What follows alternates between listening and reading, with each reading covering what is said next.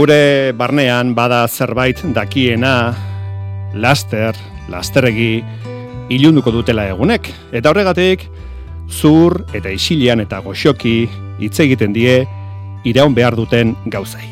Argiari, lurrari, zuaitzari, zeruari.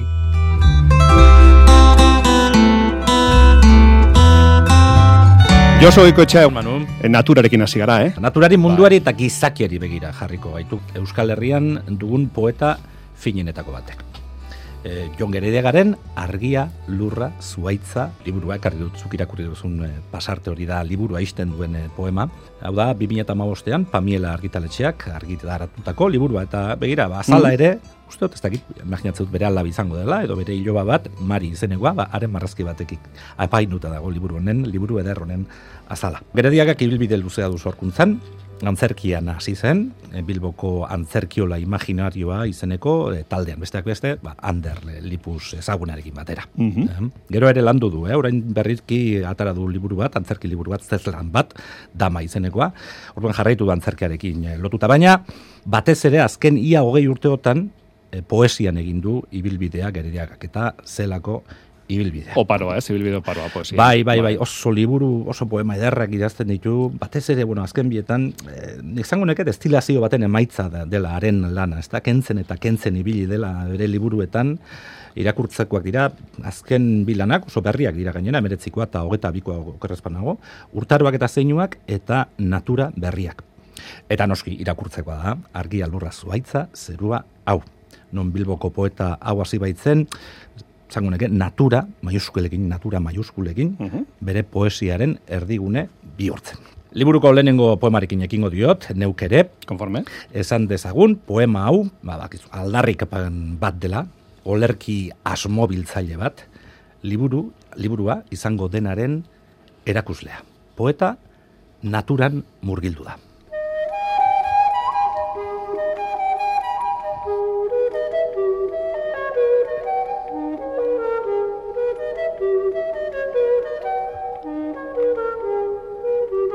Alai eta temati dator maldan behera erreka, zuaitzartean gorderik, historiaren bazterretik, aizel lehun batek adaburuak mugitzen ditu, astiro astiro eta etengabe.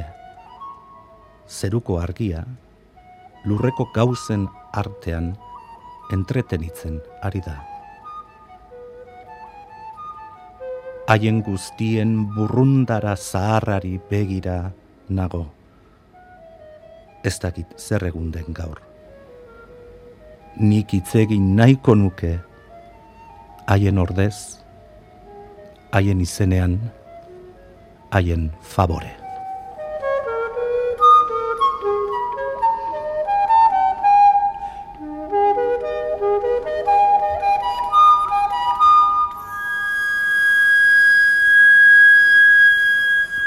Ze lotura polita, eh? Bajen musika mhm. eta Jon Gerediagaren poesia uztartuta. Josu, naturari behatzen dion edozein poesia utxala litzateke sakonean ezpaligu gizakio hitz egingo, ezta? Bai, da nik ustot hori egiten duela Gerediagaren poesiak. Natura hitz egitean, haren aldaketez, haren egonarriaz, haren edertasun, zein krudeltasunaz hitz egitean, ba, nik ustot geure buruari buruz ere ari dela. Mhm.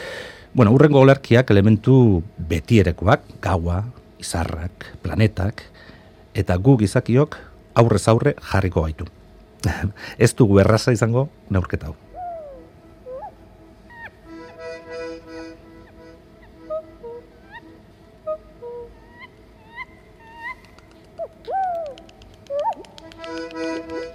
Gauak ez daki gizakiongan, zenbat oinaze dagoen, zenbat amorru.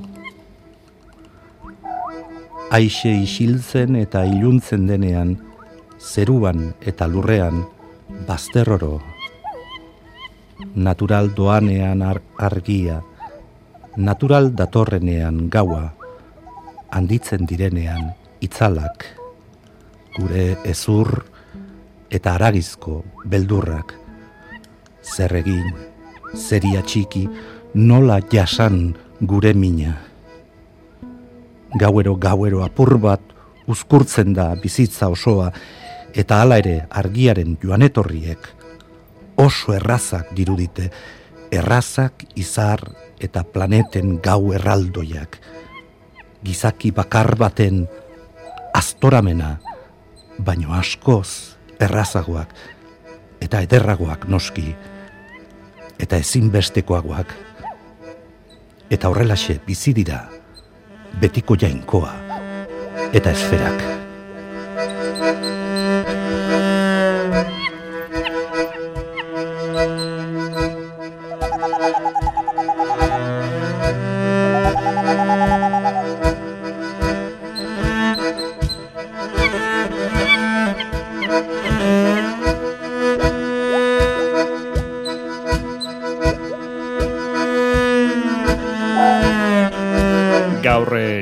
Josuk aukeratu du bere tarterako Jon Gerediagaren argia, lurra, zuaitza, zerua, liburu eta hortik ari gara poematxuk, eh, poematxo batzuk, olarki batzuk irakurtzen.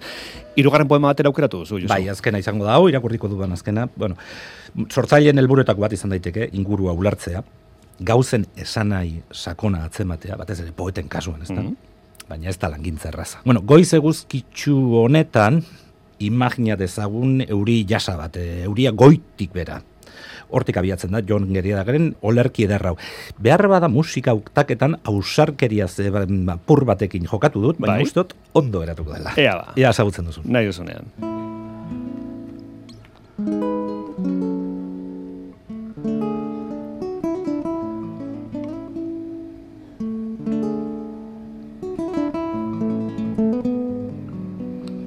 Euri zaparradari begiratzen diot, eta lurreko gauzei euritan. Nola makurrarazten dituen aizeak, eukaliptoen adaburuak, nola doazen harineketan abereak aterperantz. Begiratze soila zilegi balitz, edo nahiko, edo posible behintzat. Une batez, bizirik den guztia ikusi eta ulertu eta isildu. Galdetu gabe zer iragartzen duten beleek zeren seinale diren haien egaldi astunak. Eta euri entzun alabearrez lurrera erortzen areriorik gabe. Eta beste ezer ez bilatu, eta ez esan beste ezer, eta zerua onartu eta busti.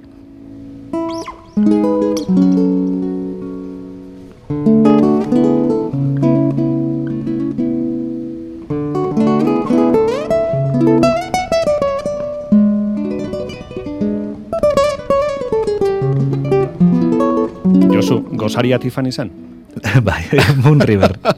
Moon River. Hori da, bai, bai, Audrey Hepburnek eh, kantatzen zuen eh, kanta bat, eh, Henry Mancini-erena, eta hau, bai, ez da?